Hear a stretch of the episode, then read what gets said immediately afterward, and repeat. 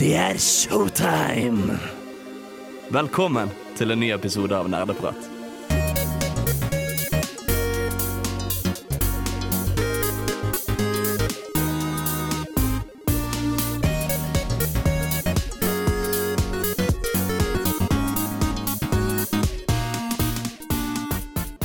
Hallo, alle sammen, og velkommen til denne karantenesendingen her fra Nerdeprat.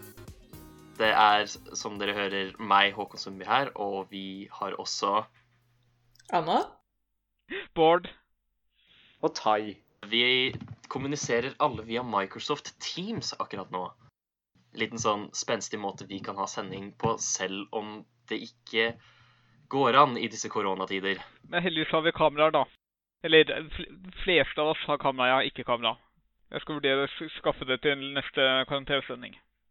Ja, det syns jeg. Det er mye hyggeligere om vi kan se deg, Bård. Jeg liker at det er sånn neste karantenesending. Nei, vent, ja, det kan hende det fortsetter. Nei, men jeg tenkte sånn hvis det var en, en, en ny Du må ikke tenke så negativt, Anna.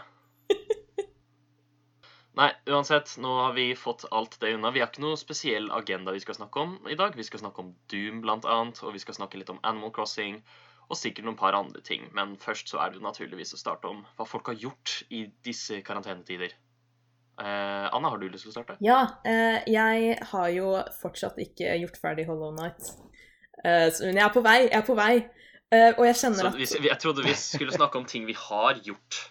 Nei, Anna. nei, ikke nei. ting vi ikke har gjort. Å, la meg forklare. Eh, Jeg er ikke ferdig, men jeg har investert eh, faktisk en del timer i det nå, nå som jeg har vært mye hjemme. Og jeg merker at det Silksong, som blir oppfølgeren fra Team Cherry, det er faktisk nå det spillet som jeg tror jeg gleder meg til mest i år, faktisk. Over Cyberpunk, over The Last of Us 2 og noe annet. Det er det bare helt perfekt ut. det er så fantastisk. Det er sånn, Jeg trenger ikke at det skal være i, i, Ikke noe spill er perfekt. Jeg skal ikke hype det opp for mye, liksom. Men hvis de bare leverer akkurat det samme som de gjør i Hollow Night, så, så er jeg fornøyd. Så jeg har spilt mye av det. Eh, og så tror jeg det er sånn for meg som mange andre nå, kanskje dere også kjenner på det, at jeg var egentlig ganske avhengig av å være på campus for å gjøre studier og alt sånt. og så plutselig må jeg sitte hjemme, og så har jeg switchen ganske rett ved siden av meg. Og så har jeg også PlayStation. Og så har jeg så mye annet som jeg også kan gjøre. Og så sitter jeg med statistikk foran meg. Statistikk av alle ting. SPSS. Eh, noe av det jeg syns er vanskeligst her i verden. Og skal prøve å jobbe med det. Hvorfor skal du jobbe med statistikk? Nei, jeg må lære det, da. Altså, du vet forskning, science, tall. Sånne ting. Hvor mange prosent av befolkningen er syke? Ja, nei, det er ikke det jeg skal regne på nå, da, heldigvis. Det er bare en rapport hvor vi har gjennomført et spørreskjema ved NTNU på studenter om deres reisevaner og aktiv reising og sånn. Så ja, det er det jeg jobber med nå for tiden. Det blir en del mer gaming enn det kanskje burde bli, for det blir plutselig mye mindre studier enn det burde vært. Men eh, jeg har det egentlig ganske bra. Så jeg overlever. Det er godt å høre. Det er det viktigste, faktisk, at du overlever. OK, eh, Tai. Ja, jeg har jo eh, egentlig ikke gjort så mye. Vi har jo tross alt ferie i anførselstegn. Jeg har, de siste to ukene har jeg jo møtt hele syv personer. Tre av dem var Foodora-bud. Eh, de resterende fire var på blodbanken. Ja, for du har gitt blod. Jeg har gitt blod i dag. Eh, jeg var litt sånn eh, Vet du hva, den verste delen med å gi blod var faktisk ikke selveste stikk eller å ligge der eller noe sånt. Det var bare sånn Jeg var så jævla nervøs, ass. Hvorfor det? Er sånn, jeg var jo ikke Jeg vet ikke, ass. Jeg, jeg, jeg vet faktisk ikke. Jeg har bare hørt at folk sliter skikkelig når de gir blod og sånn. ikke sant? Det er sånn der, Å, jeg blir skikkelig kvalm. Jeg- det gjorde skikkelig vondt. Jeg ble øm i armen. Men ingenting av det skjedde. Det eneste jeg lot merke til, var at jeg ble småkvalm fordi jeg satt og holdt pusten min. Men det fikser man jo veldig lett ved å puste. Så det gikk jo fint. Sykepleieren kommer bort til deg, og bare så ligger du der passed out, for du har bare ikke pusta. Nei, ja, men de passa kjempegodt på meg. Det, det var jo liksom Jeg satt i en stol, god pute, var veldig behagelig. Så koste meg. Eh, hva annet har jeg gjort, da? Eh, Jeg har spilt masse, masse, masse dataspill. Fy faen, ass. Ja, jeg, faktisk, ja, jeg tror ikke jeg har gjort noe annet jeg, siden det. Det er det vi lever for. Absolutt det vi lever for. Nei, men uh, det har vært veldig mye Port Royal 3. i forberedelse for at Port Royal 4 skal komme ut. Fordi jeg var lei av Port Royal 2. så det var jo greit. Uh, så, vi, så, spilte jeg også en god del Borderlands. Og så prøvde jeg også uh, Tabs, da. Som er uh, Totally Accurate Battle Simulator. Å, er det den med de figurene som bare løper mot hverandre skikkelig teit? Ja. Så...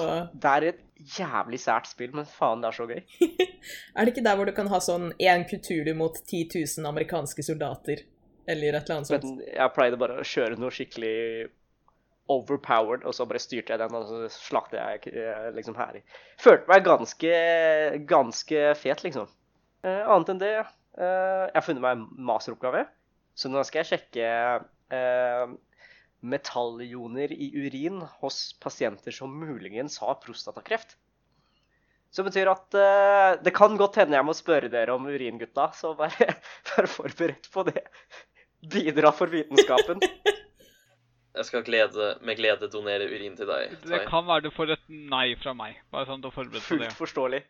Dette er ikke noe sånn cover-greie, at du liksom bare skal selge det videre når du får sånne prøver?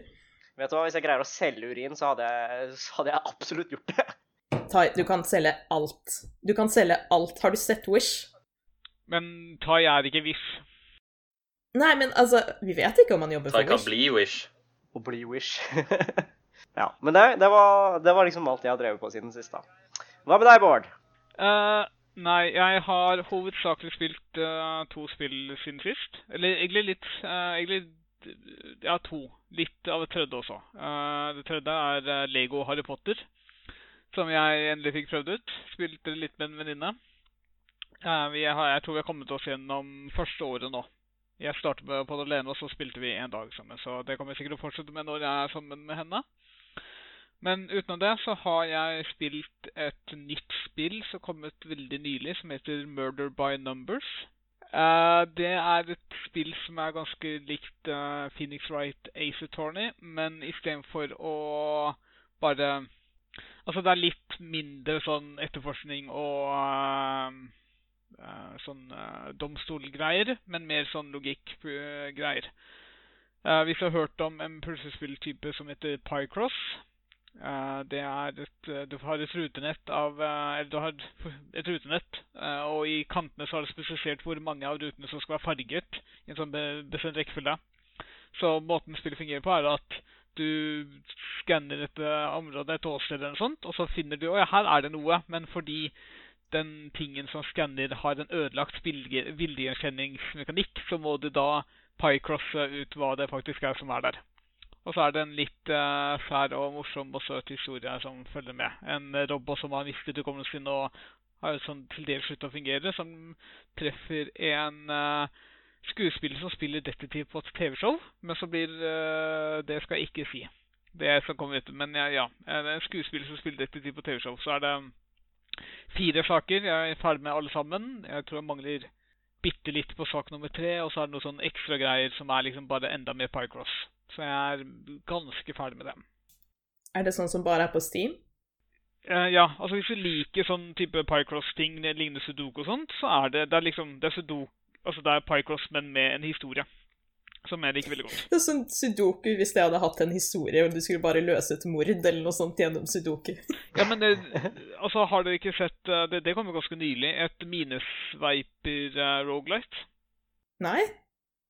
Ja, det så jeg. Det også kommer en Peggles Rogelight, tror jeg. Ja, det kom et Peggles Rogelight tidligere i år, og så tror jeg det kom et uh, minesveiper Rogelight sånn over jul eller noe sånt.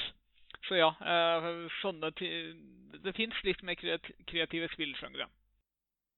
Jeg føler at du kan gjøre det mye mer dramatisk med Minesweeper enn med noe sudoku-lignende. Fordi der er det jo faktisk miner. Der kan du gjøre det i sånn type sånn krigsspill eller et eller annet. At du er en sånn folkehelt som redder alle fra å eksplodere fordi det er en random fyr som har plassert masse miner rundt byen deres eller et eller annet sånt. Men jeg tror greia med Sudoku er jo liksom den teller hvor bra du gjør det. Uh, for å gi den score, og så er det liksom rogelight ut av det. Så det, det fungerer til en viss grad. Men jeg tror Sudoku også fungerer. Som generelt, uh, Battle Royale med ting som ikke tradisjonelt er Battle Royale, fungerer generelt. Uh, en annen ting som jeg har spilt uh, nå hovedsakelig siden fredag, Jeg tok og sjekka Steam-statistikken min nå nettopp. Fordi opprinnelig, før vi startet opptaket, så sa jeg at jeg fikk spilt sånn 20 timer over helgen. Uh, nei, nei. Nei, nei, nei. nei, nei. Jeg har spilt um, så Totalt har, i dette spillet så har jeg spilt 49 timer.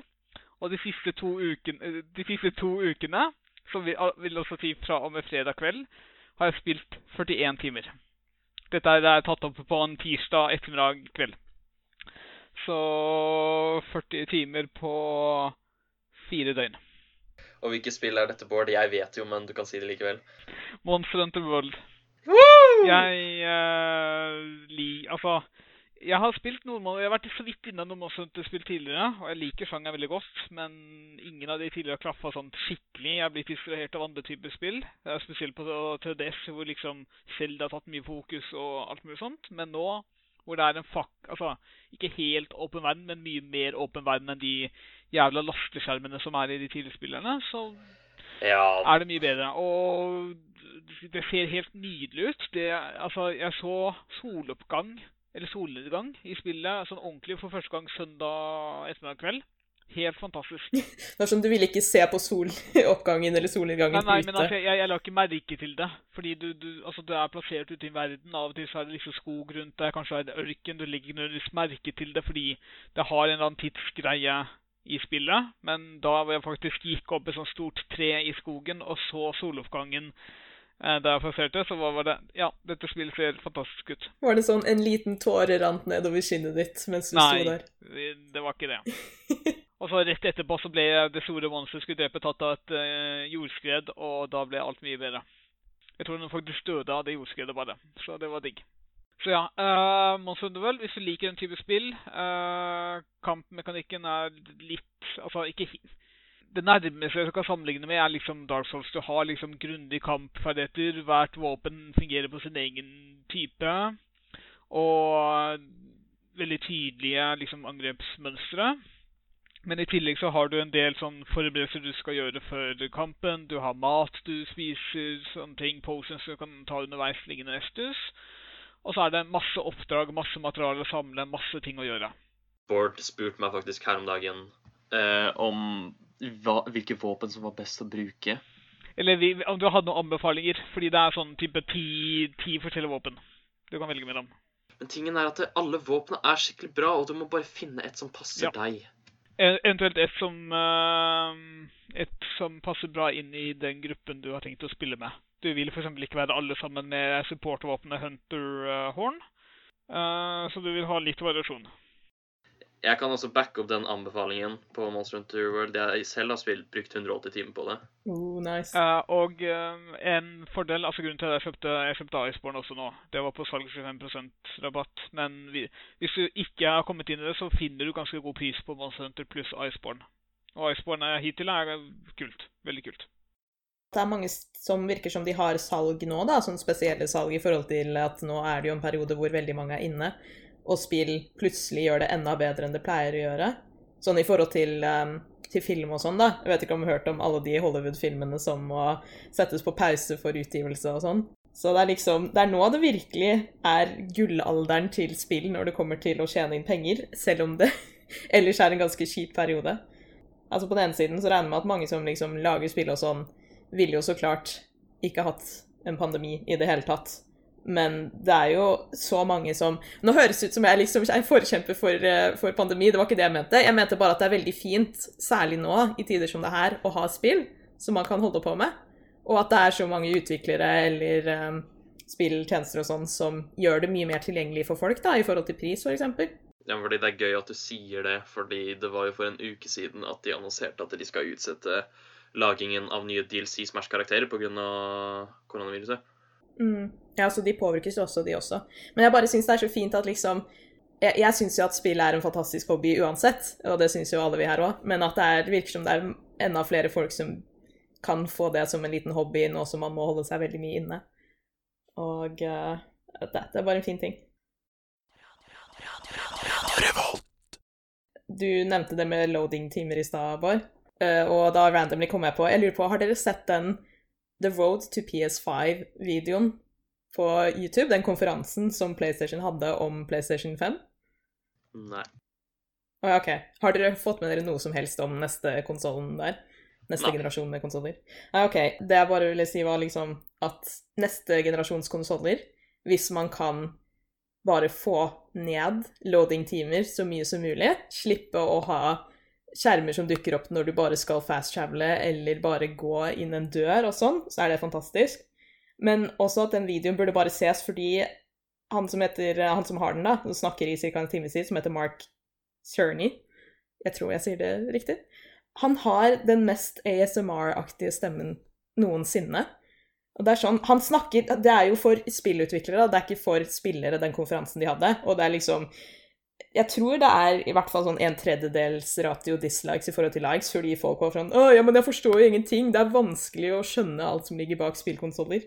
Hvem skulle trodd? Men jeg ville anbefale alle, bare uansett om du skjønner hva han sier eller ikke, bare hør på den sånn når du skal legge deg, fordi han snakker så utrolig behagelig. Og jeg brukte den her om dagen til å bare rett og slett sovne. så hvis dere sliter med å sove, så burde dere høre på det. Og så får du litt nyttig fakta om fremtidige generasjoner av konsoller. Mm. Men veldig sånn det går på alt det har forbedra det tekniske, da. Men også at de liksom har jobbet med å ville få ned loading-timer og forbedre lyd og sånn, eksempel. Bare på et veldig avansert nivå. Jeg vil også si at hvis du har en um, Altså, alt er jo relativt, men den nye PC-en min som jeg satte sammen i sommer det, det, det, er, det er så kjapt å laste ting i Moss Vel. Altså selv sånn mellom der det faktisk skal laste skjermer. Jeg rekker kanskje å få lest ett tips av sånn åtte som det kan vise noe sånt. Før jeg liksom bare Å ja, nå er det ferdig, ja. Jeg, nei, jeg tror faktisk ikke jeg, jeg nesten rekker å lese ferdig det som står på skjermen, før jeg driter om lasta. Så ja. Jeg er veldig imponert om Moss Vel. Så, men skulle du egentlig da heller hatt lengre loading-timer? Nei, jeg bare jeg, øh, Altså, i mange spill så ser du altså I hvert fall sånne store spill hvor liksom områdene er veldig store. Men i Monster Hunter World er det veldig tydelig at det er ikke noe lastig Altså, de har håndtert ting veldig bra. Spillet er dritlite. Jeg så da, da jeg installerte det, 50 gigabyte på to expansions. Eller to liksom hovedhistorier. Eh, når du reiser til et område og har en lasteskjerm der, så kan du navigere fritt gjennom det området nesten liksom umiddelbart. Du bare sier 'nå vil jeg dit', og så tar det to sekunder, og så har du lasta der. Så det er liksom ikke noe lasting innenfor sonen heller. Så det, det bare tyder på at ting er godt opptåelig Eller ikke godt opptåelig selv, fordi spillet har hatt en del problemer i forhold til det, da, men ehm, det virker som at designet er bra, og at de har gjort gode valg når det kommer til liksom hva som skal lastes og ikke lastes, som gjør at ting flyter sømløst, sånn i hvert fall navigasjonsmessig. Jeg bare merka jeg fikk enda mer respekt for spillutvikler og sånn etter å ha sett den videoen og alt det tekniske som man må tenke på. Så det er veldig mye der jeg ikke kan noe som helst om. Jeg har bare så mye respekt for all den kunnskapen som folk må kunne. På et tidspunkt så nevnte de sånn Dere vet den rate-racing? Som går på at man får mye mer sånn realistisk uh, lyssetting f.eks. i spill, da, fordi du har sånne stråler med lys som kan reflektere seg overflate, framfor at du bare gjør det på den måten som har blitt gjort før, at du lyser opp områder, men at det ikke er den realistiske reflekteringen. De snakket om at ja, og det her kan også, raytracing kan også hjelpe oss med å få mye mer realistisk lyd, for da kan du mye mer predikere hvor lyden reflekteres også på overflater, sånn at du kan få sånne superrealistiske ekko, f.eks. At de kommer fra den retningen de skal gjøre, og har den lydintensiteten de skal ha i forhold til hvor langt unna lydskylden var, og hvordan du har beveget deg og sånn i forhold til den. Så det var sånn superdetaljerte greier som egentlig var veldig kult. Jeg bare forsto sånn en tiendedel av alt de okay, La snakket om. meg skyte noe litt kjapt der, Anna, fordi jeg, jeg, jeg tror du tar litt feil. Jeg tror de fleste utviklere ikke trenger eller nødvendigvis kan noe særlig om det der. Jeg tror mange utviklere bare trykker på en knapp i Unity eller Unreal Engine og bare eksportert til PlayStation. Done. Å, ja, men nå har jeg nettopp praisa deg masse. I hvert fall så Hvis du ser på indie-utviklere, så tror jeg der listen er for mange.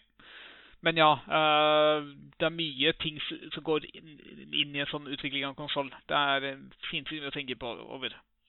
I hvert fall eh, i mye større grad tidligere, eh, hvor det var liksom unike arkitektur som ikke var liksom sammenlignbart med nesten noe som helst. Og hvor mye de klarte å tyne ut av maskiner, men nå er det jo egentlig bare en PC. Med liksom standardisert maskinvare. Hadde noen av dere spilt um, Control?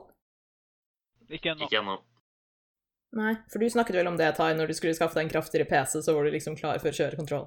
Ja, men jeg var ikke så gira. på- Det var du som var så gira på Control. Jeg var ikke så gira på Control. Jeg trodde du også Nei, altså, jeg kjøpte jo PC-en min for å spille Nei, nei, men jeg kjøpte jo PC-en min hovedsakelig for Cyberpunk 2077, som ble forskyvet til Det kan hende bli forskyva enda lenger nå.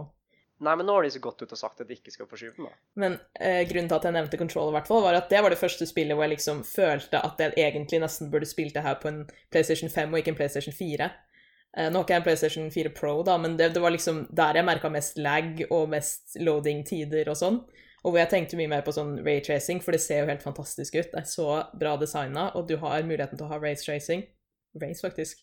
Ikke raytracing, raytracing. Så jeg er veldig klar for å bare håpe at det er backwards compatible, som det heter. At man altså har muligheten til å spille det eh, selv om det blir utvikla for en PlayStation 4 på en PlayStation 5. For det er en ting som jeg håper at de får så mye som mulig ut av. det. Sony har ikke gjort så mye av det tidligere, så jeg tviler på at de gjør det nå. De har jo hatt en del mellom PS3 og PS4, har de ikke? Ja, men da har det jo vært gjennom subscriptions og lignende. Problemet med PlayStation 3 og PlayStation 4 uh, og Det her blir muligens litt for teknisk for dere, men dere får bare stoppe når dere ikke gidder å høre mer. Um, PlayStation 3 uh, OK. I en, I en PC, eller i en virksomhets uh, konsoller og datamaskiner, så er det en prosessor. Eh, de prosessorene bruker forskjellige instruksjonssett og sånt. Eh, PlayStation 3 Jeg husker ikke helt hvilken prosessor den hadde, men eh, en ikke-standardisert en du aldri i verden vil se i en moderne datamaskin, som du har liksom hjemme. Så derfor må det liksom utvikles spesielt for PlayStation, og jeg tror det samme var med Xbox 360. Eh, PlayStation 4 og Xbox One var den første konsollen som brukte liksom bare vanlige PC-komponenter, bare i en, eh, i en mindre formfaktor, som en konsoll er. Og ehm, så eh, Det er liksom grunnen til at det var vanskelig å ha bakoverkompatibilitet tidligere, er fordi de måtte liksom putte enten en emulator inn i, eller faktisk bare si at vi putter inn den chipen som fantes i PlayStation 3, inni PlayStation 4 også. Eh, men uh, nå, med liksom at begge to bare er liksom raskere versjoner av akkurat den samme arkitekturen, så burde det være mye, mye enklere for begge produsenter å ha bakoverkompatibilitet. Men jeg vet jo at hittil så har Microsoft fronta det mye større grad enn det Sony har med PlayStation. Akkurat sånn som du prata om nå, det var på det detaljnivået som gjorde at jeg bare ikke skjønte noe som helst. Bakoverkompabilitet vil være bedre og lettere nå framover enn det det har vært tidligere. Å, så bra. Det er jo kjempebra. Da kan vi få Skyrim på PlayStation 5 også. Det er absolutt det vi trenger. Jeg vet at Toad Howard kommer til å komme ut og bare si 'endelig, det er dette dere har ventet på'. Skyrim. Og så altså Bethesda klarer ikke å finne noen penger på noen nye prosjekter, så da må de eh, komme med ny Skyrim. Ja, men når det nye prosjektet deres var uh, Fallout var det 76, så tror jeg ikke de tjener noe penger der, altså. Men de har jo laget noe annet nylig, eller i hvert fall kommet ut med noe annet nylig, som du, Håkon, er ganske, Ja. ganske gira over. Jo. Jo, hva, hva tenker du på, Bård? Altså, jeg skulle til å spørre Altså, Snakker du om Doom, Anna? Ja, Vi snakker selvsagt om Doom. Altså, det er id Software som Det er id Software som har laga spillet, men det er Bethesda som har produsert det. Ja, det var det jeg skulle til å si. Det, id Software tilhører nå Bethesda, tror jeg. ja, men altså, det har Bethesda-logoen ved seg. Det er alt som skal til for at jeg ser på det som et Bethesda-spill, selv om det så klart ikke er utviklet av dem. så, så du anser liksom alt av filmer som Disney-filmer nå? Hele Marvel-universet, alt er nå Disney, ikke sant? Spiderman er en Disney-prinsesse. Han er den beste Disney-prinsessen! Oh my god. Kan vi bare si at Doom ikke er Bethesda, fordi Bethesda lager bare skitt for tiden, og jeg, eh, Doom er ikke skitt. Ja, de fortjener en bedre assosiasjon enn eh, Bethesda. Det gjør de absolutt. Så da for å klargjøre Doom Eternal er laget av id Software. Og jeg har Det er det jeg har gjort siden sist, i hvert fall. Jeg har spilt masse, masse Doom Eternal, og jeg elsker det. Det er alt jeg håpet på. Um, for tingen er jo at det, originale Doom, og for så vidt Doom 2, så liksom hele tida essensen at det, det her skal være superraskt. Du skal ikke reloade våpnene dine, og karakteren din løper unaturlig fort. Kan du gi en sånn veldig sånn jeg, jeg bare tenkte at det er veldig greit å bare få en sånn superkjapp, kanskje spoilerfri også oppsummering på hva Doom handler om. Fordi det er jo egentlig ikke så komplisert, er det vel? Mm, nei, ikke uh, originalen. Det blir eh, litt mer sånn annerledes fra uh, rebooten i 2016. Men originalen var rett og slett bare Dere har åpnet en portal til helvete på Mars. Og dere bruker denne til å få energi, fordi dette her er en utrolig bra energiressurs.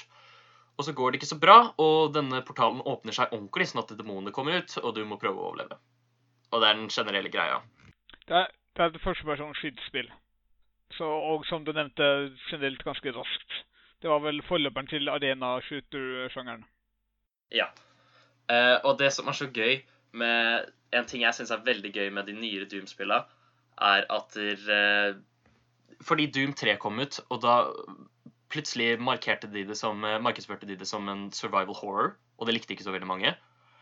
Og nå har de tatt den markedsføringa på nytt, men gjort det heller sånn at det eneste demonene frykter, er deg. Så du er det skumle monsteret som løper rundt, og de skal overleve deg. Noe de ikke gjør da, åpenbart, fordi du er Doomslayer. Ja, for du, det karakteren du styrer, er bare Han er som en Master Chief ganger 10 000 når det kommer til å bare slakte ned fiendene sine og hoppe rundt og bare spre kaos rundt seg, satt i helvete. Ja. Han er eh, overdrevent rask, han er overdrevent sterk, han kan rive folk i to, bare sånn som om de var tannpirkere. Jeg vil si at Master Chief er en litt dårlig sammenligning, for Master Chief var liksom en skyte... Altså en soldat. Eh, Det her er liksom ja, er mer god. sånn uh, eh, gud. Ra- Rambo. Han er mer Rambo og um, grunnen til at jeg sammenligna, var fordi begge har bare sånn grønne superdrakter. De ser, jo, de ser jo litt like ut. Men så har Doomslayeren fått kreftene sine fra himmelen, eller et eller annet sånt. Det, dette er spoilers. Å ja. Ops! La oss ikke snakke om det, men eh, poenget er i hvert fall at du har masse forskjellige våpen, og mye av det er i nærkamp. Ja. Og du har liksom kombofullfører som liksom er delen uh, romvesen i to. Ja. Uh, det jeg vil også kaste på her, da, er at Doom 2016 var fanget essensen perfekt av det originale Doom av å være overdrevent rask, og at du alltid må bevege deg for å overleve. Doom Eternal er dette bare ganger to. Hvor det, Nå adder de mange flere elementer. Du har plutselig en flammekaster, eh, du har en dash, du har en grappling hook, og så får du titalls mange flere movement-muligheter enn du hadde i det forrige spillet. Og siden det er så ille, så blir alle fiendene veldig mye sterkere igjen. Ja, så de har bare scala det opp enda mer. Ja, de, det her er en direkte oppfølger, og de forventer at du skal ha spilt det forrige spillet. Å ja, shit, så du blir bare hivd inn i det? Hvis du ikke har spilt Doom for i det hele tatt, så bare Da er det vanskelig. Det er dritvanskelig. Så det er sånn Det er ikke sånn Det, det starter allerede ganske vanskelig, og så blir fiendene bare helt fuckings batshit vanskelig. Fordi du, du blir gitt så utrolig mye å leke med. Og du har allerede opplevd liksom det vanskeligste av Doom, så da må de jo trappe det opp, fordi de forventer at det, skal bli sjukt. Jeg så eh, at det var en sånn debatt på den store eh, informasjonskilden Reddit, r slash gaming, så eh, var det noen som skrev at å nei, jeg liker ikke hvordan du gjorde det med den nye Doom, fordi nå må du plutselig gjøre taktikk og sånn. Og det er ikke det Doom handler om. Doom handler om at du bare skal kunne slå deg løs og ikke måtte tenke på ammo eller noe sånt, og bare løpe rundt og slakte demoner. Og så likte de ikke at nå måtte man tenke litt mer, eller Jeg husker ikke akkurat hvordan det var formulert, men det var essensen av det. Ja. Ja, nei, fordi det er, det er tre elementer da som er eh, nesten bærer eller brister eh, når du skal spille Doom, og det er Du har tre funksjoner som gir deg de tre viktigste ressursene du trenger. Du har glory kills, som gir deg liv. Du har eh, motorsag, som gir deg ammo. Og du har eh, flammekaster som gir deg armor. Så blir det hele tida på en måte hoppe og balansere mellom hvem av de du skal bruke for å få hvilken ressurs du trenger. Og så er det vel en fjerde som liksom er vanlige våpen. Ja. Hvor eh, ja, Alt annet så bruker du jo vanlige våpen, men plutselig så mister du liv, og da er det sånn Å nei, nå må jeg glory kille noen. Ja. Men, men jeg trenger også armor for å kunne overleve bedre. Og så åh, vil jeg, vil jeg flammekaste denne, eller vil jeg bruke motorsag, eller bla, bla, bla. Så det er Det er mye mer krevende spill enn det det første Doom var, og jeg syns jo egentlig det er veldig mye bedre, fordi det blir veldig mye mer tilfredsstillende når du får det til. Men Håkon, hvorfor, tar du ikke bare unngå, hvorfor unngår du ikke bare skade? Så slipper du å tenke på både armor og liv. Da er det kun ammunisjon. Just get good. Fordi det igjen er eh, greia med Doom. Du blir kastet inn i et rom med sånn 15 fiender på én gang, og du må løpe hele tiden for å unngå skade. Og hvis du, hvis du står stille i kanskje tre sekunder, så dør du. Så ikke, ikke så stille, da. Det er lettere sagt enn gjort. Så, men det er i hvert fall utrolig tilfredsstillende. Kjempegøy. Så jeg så på sånn der developer-video med de som drev og lagde Doom, da. Og da drev de og snakka om eh, hvordan designe spill hvor du føler deg som en badass. Og da innrømte de at de jukser litt for å få spilleren til å føle seg litt bedre. da. Sånne skudd, Når du har én HP eksempel, og et skudd som egentlig skulle drept deg, så er det sånn Oi, shit, den bomma. Så gir den deg liksom det halve ekstra sekundet, slik at du kan rive en fiende i to og så bli den badassen du egentlig burde være. Ah, gjør de? Mm, det gjør de i Resident Evil Evil også. det er kult. Så det er skikkelig mye tanke bak det, liksom. Det er ikke dumt.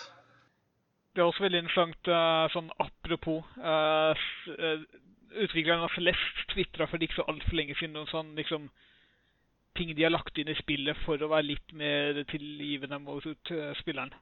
Det er sånn Hvis du er akkurat noen piksler for lavt når du kommer til en kant, så bare blir du teleportert bitte litt opp. Uh, Sånn at du klarer det likevel. Ja. Jeg tror det var sånn syv sånne ting som var i en Twitter-tråd som ble lagt ut for uh, en. Det går igjen veldig ofte at det med at du liksom du, Hvis man skulle ikke hatt noen sånne triks i det hele tatt, så hadde det blitt opplevd som veldig urettferdig for uh, spillere, da. Særlig når det kommer til f.eks. å hoppe over kanter eller mellom plattformer og sånn. Altså liksom Hvis du Selv om du akkurat nesten var på plattformen, hadde falt ned, så er det ofte mye lurere å bare sette inn en ekstra eh, liten Hva skal jeg si? eh, redningsområde der, da, som gjør at selv om du teknisk sett akkurat ikke landet på plattformen, så får du bare hoppe deg videre. Jeg tror utviklerne f.eks. av Dead Cells gjorde akkurat det samme. At det er mye sånn skjulte verktøy inni der som gjør at man får en mye eh, bedre spilleopplevelse.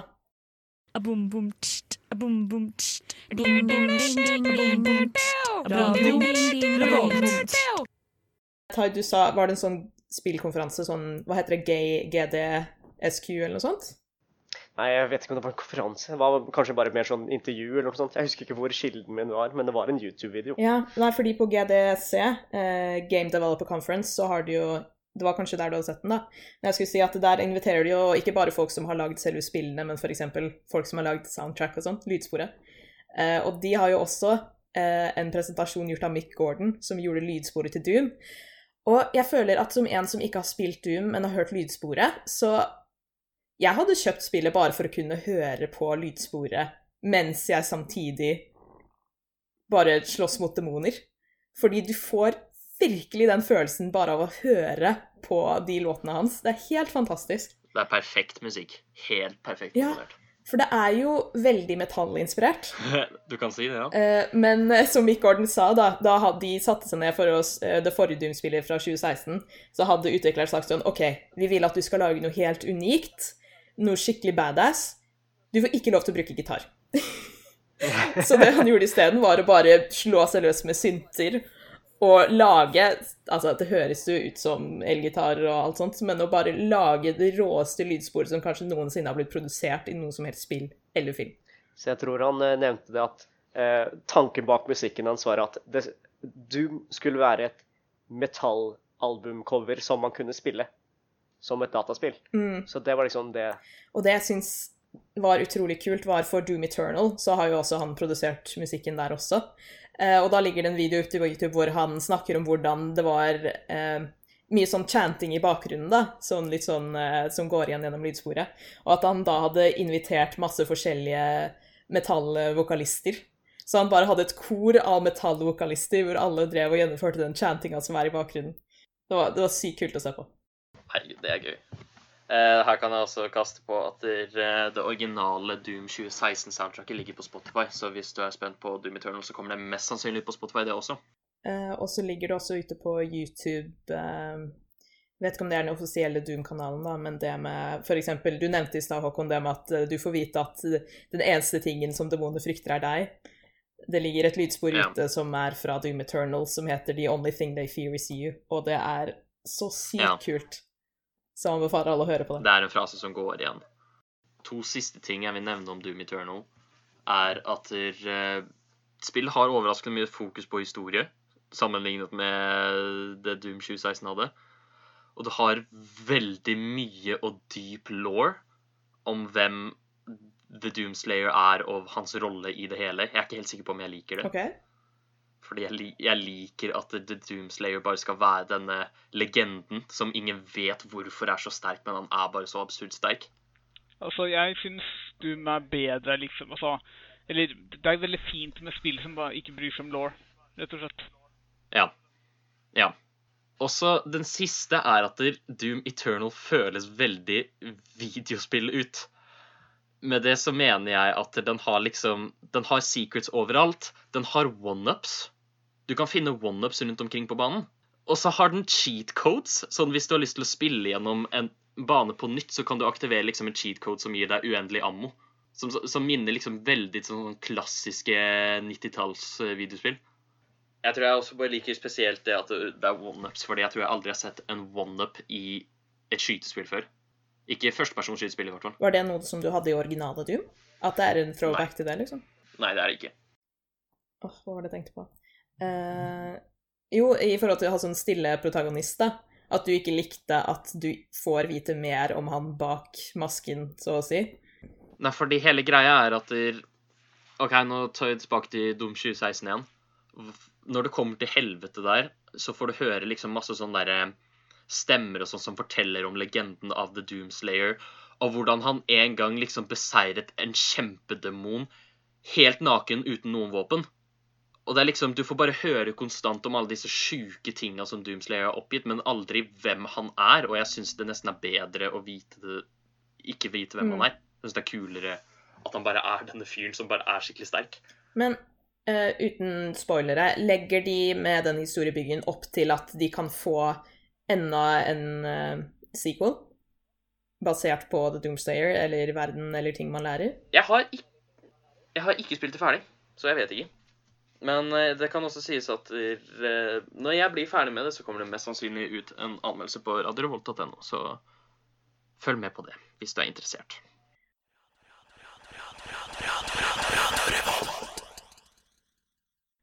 Har du sett en eh, Isabel i Doom? Nei, jeg har ikke sett en Isabel i Doom ennå. Jeg har dessverre heller ikke dette, dette er jo en naturlig tråd over til noe annet jeg også har spilt siden sist. Altfor mye av siden sist. Det er Animal Crossing New Horizons. Hvorfor er en Isabel? Det er så det er, Ok, det er så mange memes som dette ute, Tai. Jeg får ikke at du ikke har fått det med deg. Du har sikkert sett det.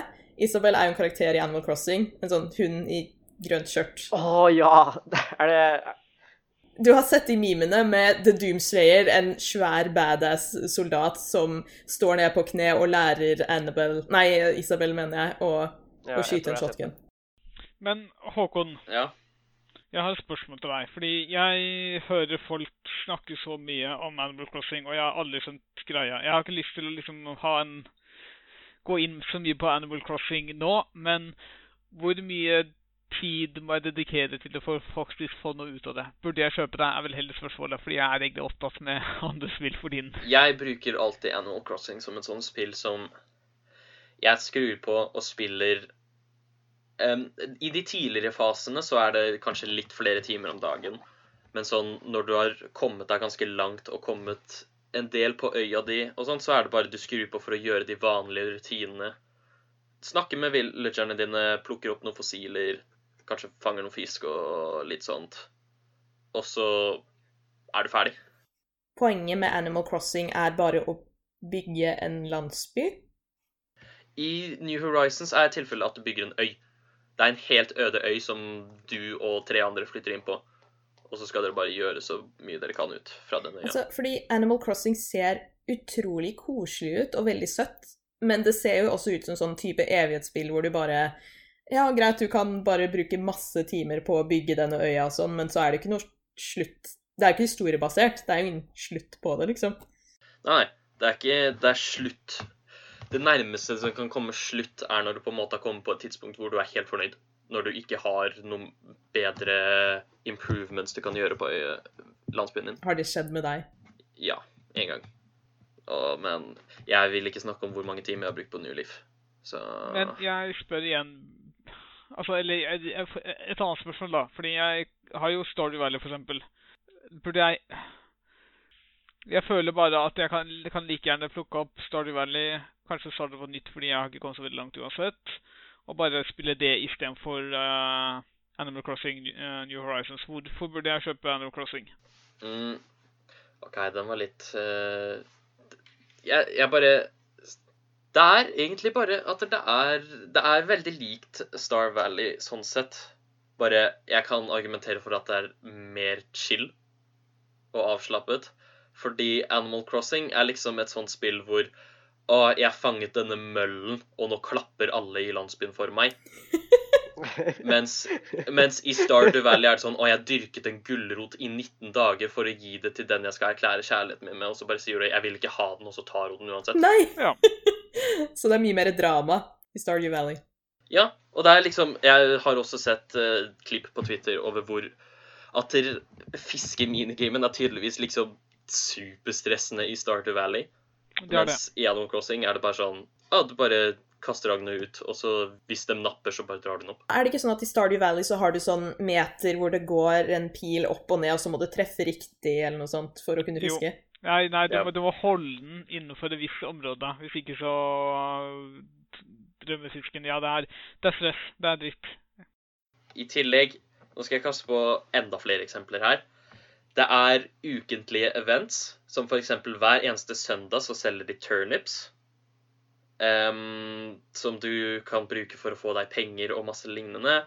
I tillegg så er det special event som bare tilfeldigvis kan skje, slik at det spillet belønner deg for å sjekke på øya di hver eneste dag. Så for eksempel i går så bare fant jeg et spøkelse som heter Wisp um, på øya mi. Han er ikke der hver dag, han bare var der i går. Og så måtte jeg hjelpe han med å finne noen ting, og så fikk jeg en belønning fra han. OK.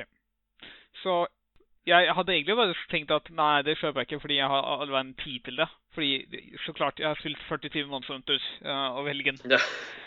Eh, men eh, det kan hende at du klarer å overtale meg. Det er skikkelig bra, altså. Det er kjempekoselig. Jeg lover det. Ja, men det virker jo sykt koselig. Det er sånn, Vi har jo den chat med studentmediene. Det er sånn folk bare sånn Hei, alle sammen, jeg fanget en møll. Og da klapper jo faktisk ekte folk for deg også. Det er så koselig å bare se folk drive med øh, Det er sånn små ting, vet du. Bare, «Å, herregud, jeg fant en ny spade. Så folk er sånn Yeah, ny spade. Problemet er at det er 570 kroner. Det ene, det eneste lille lyspunktet er at det kommer ikke til å gå ned i pris med liksom på et år, sikkert, fordi det er fuckings Nintendo. Men fortsatt, det er 570 penger jeg har definitivt råd til, men øh, kommer det til å være verdt så mye? Men det store spørsmålet er det flerspillerfunksjon på dette her? Fordi jeg føler at Selvsagt eh, er det flerspillerfunksjon, Anne. OK. Fordi i Minecraft for eksempel, så er det jo veldig mange som liker å spille alene også, men for meg har det alltid vært sånn type spill, sånn evighetsspill hvor det, det meste jeg får ut av det, skjer når jeg spiller med andre. Og så tenker jeg at det er litt det samme med, med um, Animal Crossing også. Greia i Animal Crossing når du skal spille med andre folk, er at du kan besøke dems øy eller dems by eller hva enn det er. Og så kan dere bare henge sammen der og gjøre aktiviteter sammen der. Du kan ta med gaver til hverandre. Det er eh, et annet eksempel på at spillet oppfordrer deg til å besøke venners øyer og sånt, er jo at hver øy eller by har en native frukt. Min var pære. En kompis av meg hadde appelsin. Da lønner det seg at jeg eller han besøker hverandre, slik at vi kan få appelsin eller pære. Ikke sant? Fordi det gror ikke naturlig på vår øy. Så nå har jo jeg appelsin fordi jeg besøkte han. det er så søtt. Det er så holdsom.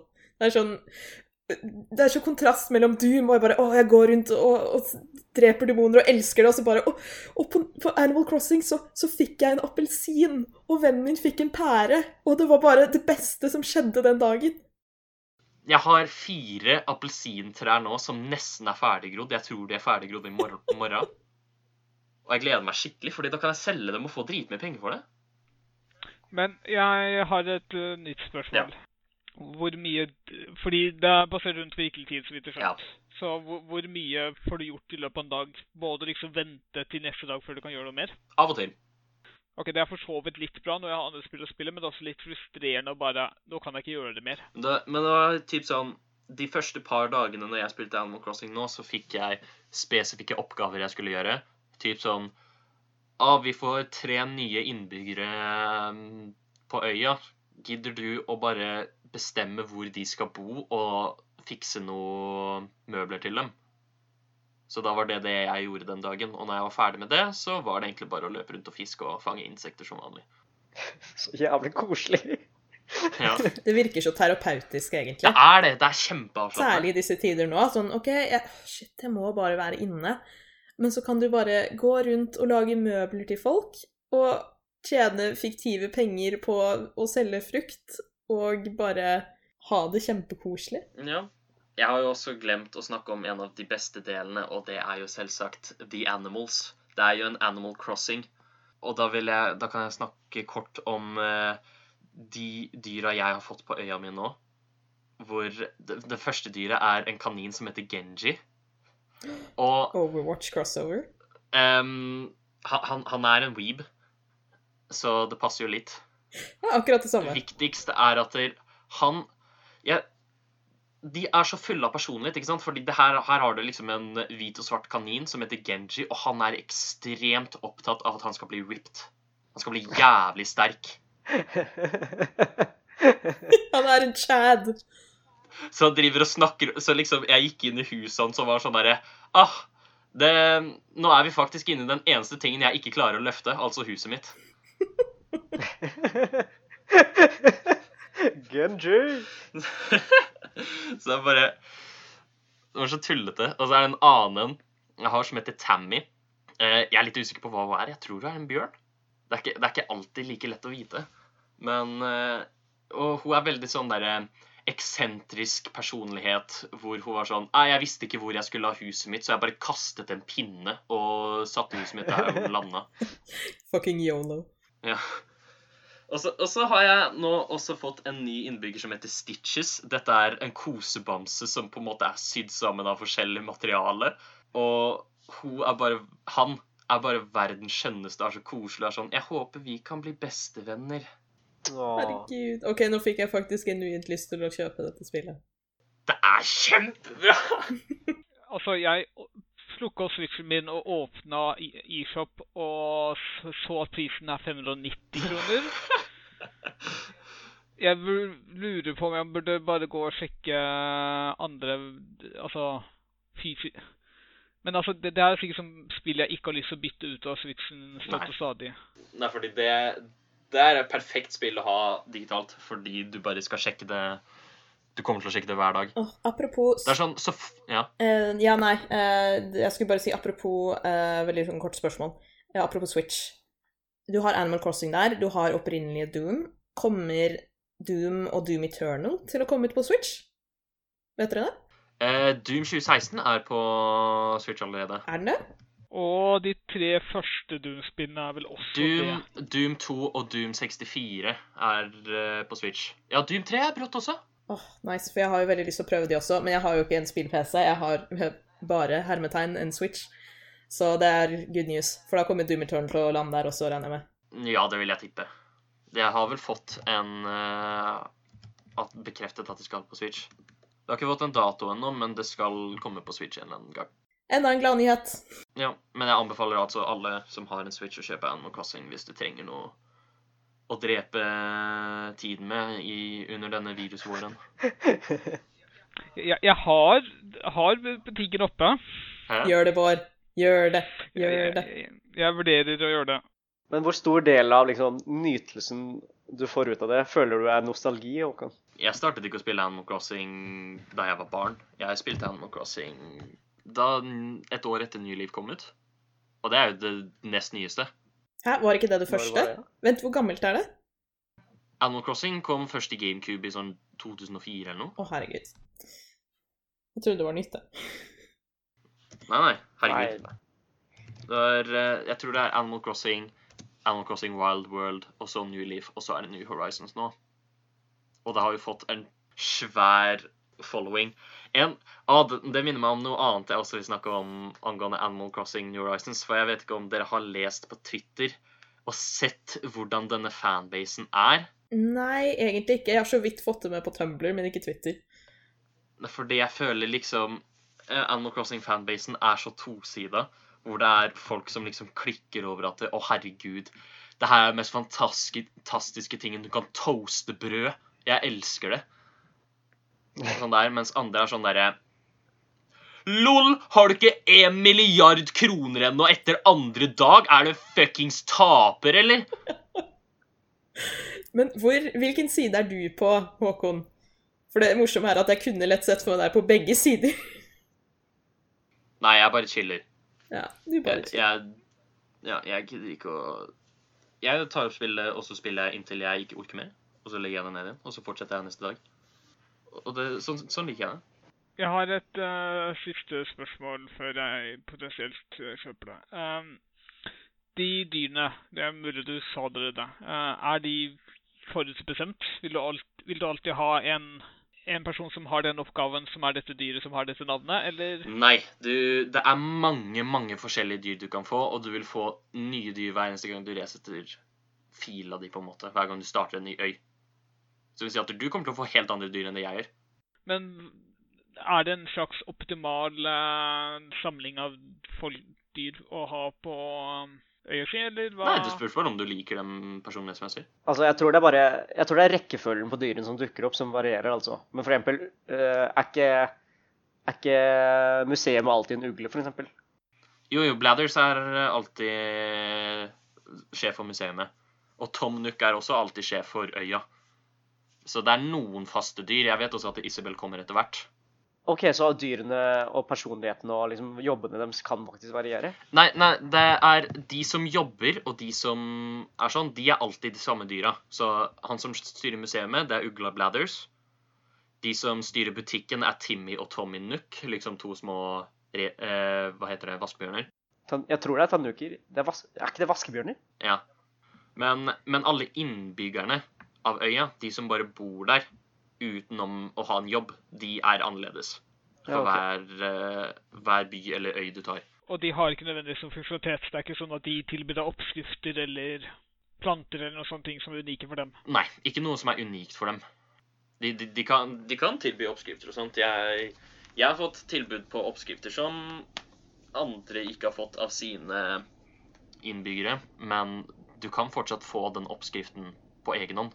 Du må ikke snakke med dem. Hører jeg Bård speedrunner Animal Crossing?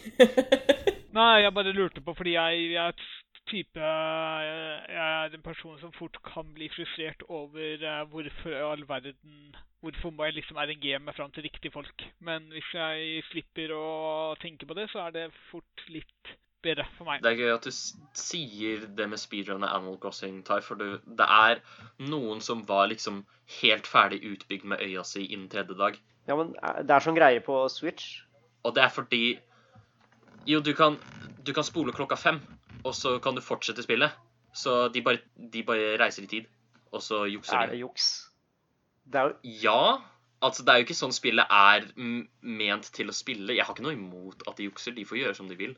Men det er jo ikke meninga at du skal ha en fullt utbygd øy innen tredje dagen. Hele poenget er at det skal Ja. gå tregt. speedrunning av Animal Crossing. Ja, det er fullt mulig. Apropos cheating og sånn. Det er jo litt tilbake til Doom igjen, da. eh, Doom Eternal.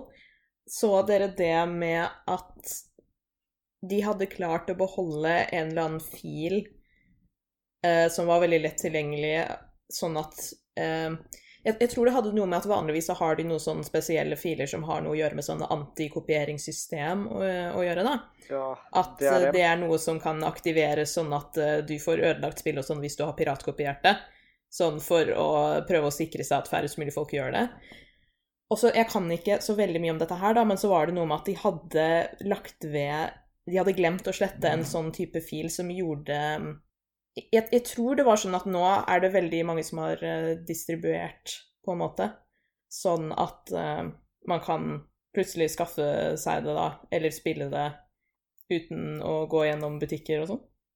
Jeg tror at Og at det var en flause som de hadde gjort. Ja, jeg tror faktisk det som skjer Jeg er ikke helt sikker på det ennå, men jeg mener at jeg leste noe at de glemte å legge ved DRM-filen i mappen. Å ja, ja, OK. Fordi det hørtes ut som det var et ganske stort problem. Ja, ikke sant? For, for deg som spiller, så er ikke det det. Spillene uten DRM kjører som regel bedre enn spillene med DRM. Altså, DRM er bare unødvendig ting for å foreslå at du, du har en lovlig kopi.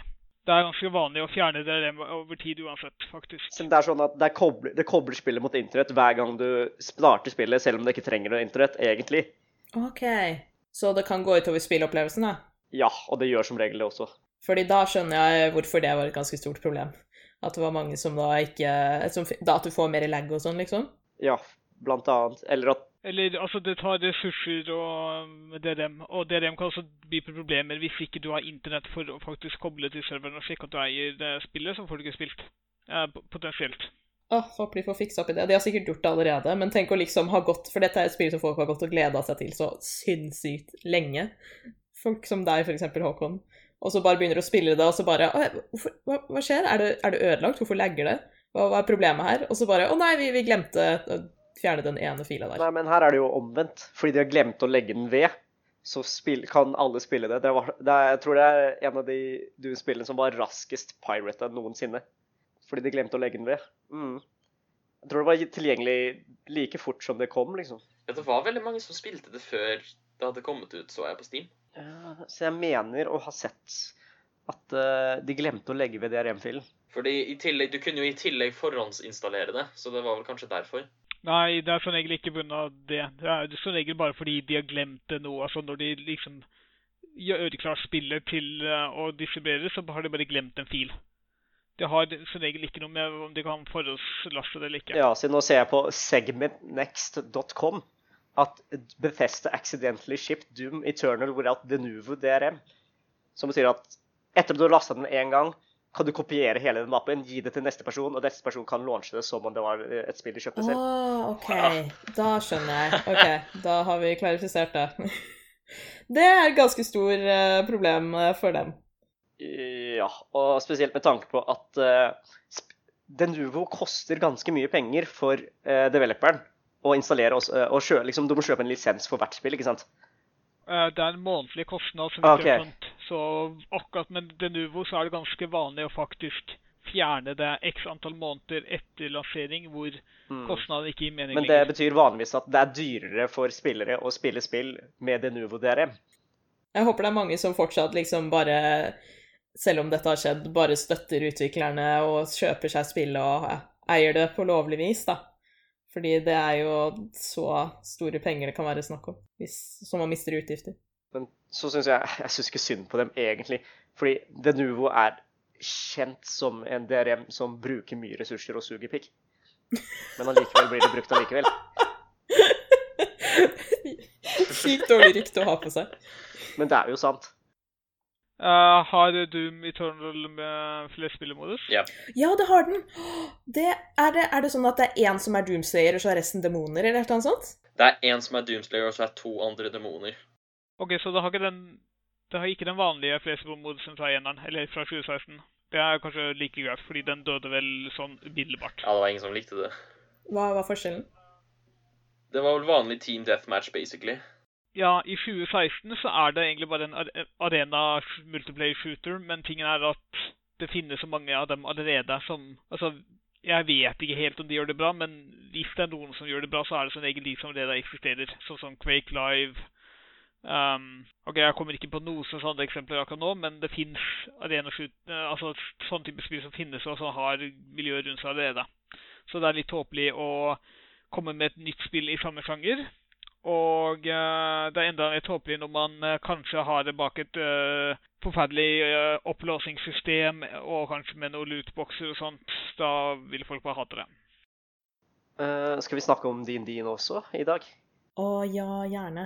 Eh, jeg tenkte jo at om det er noe som helst som man burde prøve ut nå, nå som vi A må være mye inne, man har litt ekstra tid, og B vi har digitale hjelpemidler hvor man kan videochatte, så er det jo DND. Og jeg og Steinar, som eh, ikke er her i dag, vi er jo i en gruppe som dere også kan slenge dere på etter hvert. Gjør det, anbefales.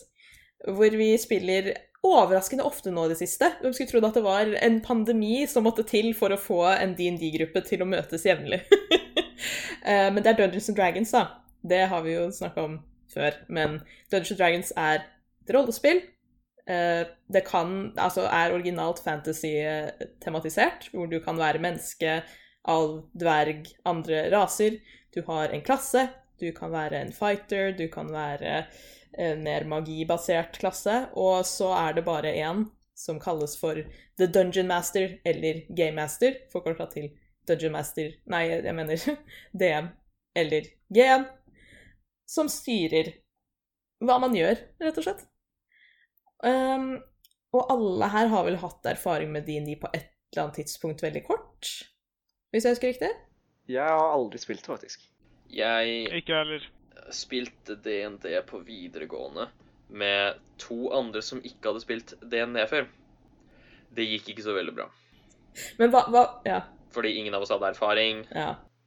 og vi brukte veldig lang tid på å forstå spillet, og vi brukte veldig lang tid på å komme oss inn i det. Fordi det trenger ikke å være så sykt komplisert. Det jeg tror gjør at mange ikke prøver ut DND, er at de ser på enten podcaster som Critical Role eller andre hvor du har veldig, veldig um, involverte spillere eller eh, DM-er, og disse har masse, masse erfaring og har holdt på dette i mange år, og så tenker man at OK, jeg må være på dette nivået for å kunne liksom få til å styre et spill.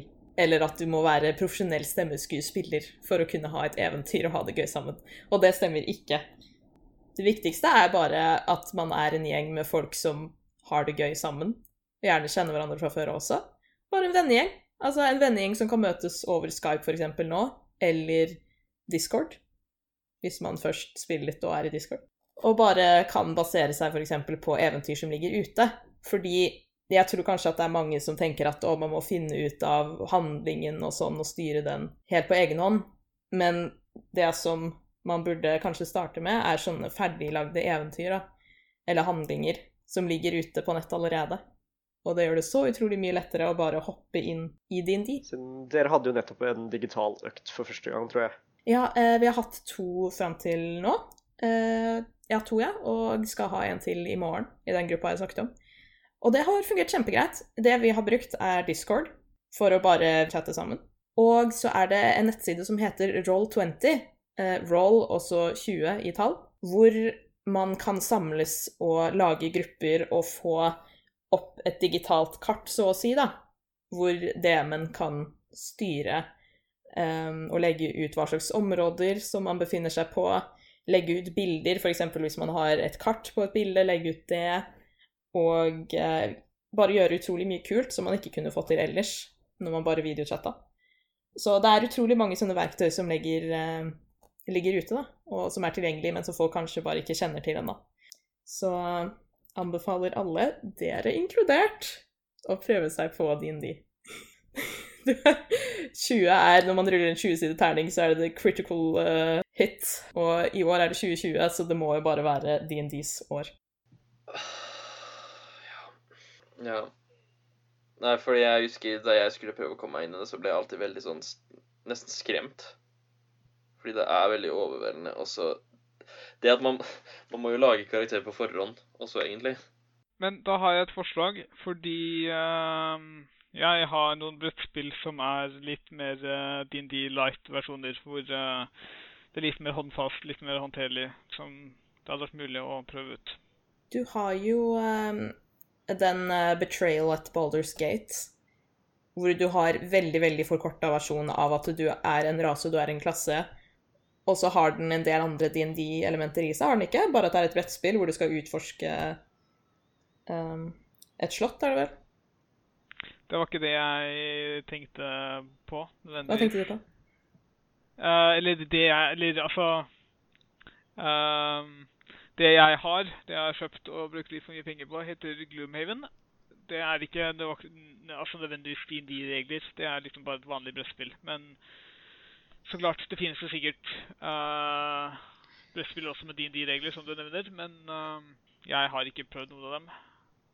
Og uh, så er det et problem, potensielt problem med at eh, altså mye av det- kompleksiteten til de kommer av regelsettet sitt, så det hadde kanskje vært fint med litt mer strømlinjeformet Jeg tror det beste måten å liksom komme litt inn i DND-mooden før man begynner å lære seg litt regler og sånn, er å bare si OK, eh, ta det litt sånn på spark og improvisere og sånn, da, hvis man bare Ja, vi trenger ikke bry så mye om regler og at du skal gjøre ting på denne og denne måten. Og bare si OK, kanskje man kan ha noen digitale terninger, da, for du må jo ikke kjøpe deg fysiske terninger nødvendigvis.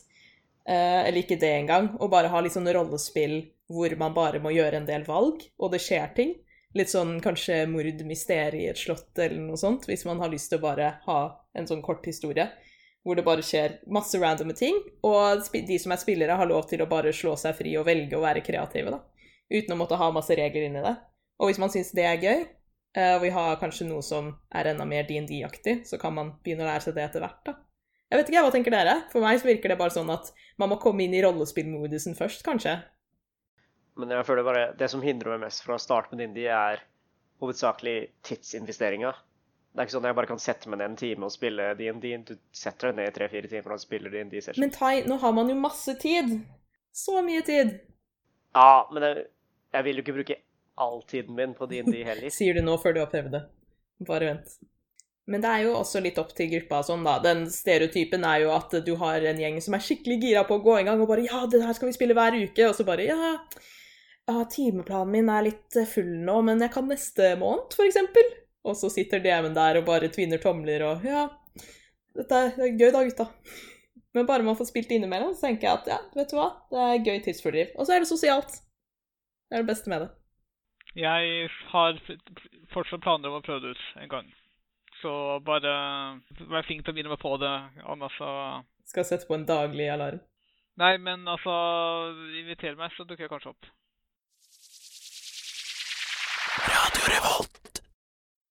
Nå har vi hørt oss jatte en god stund om alt som er.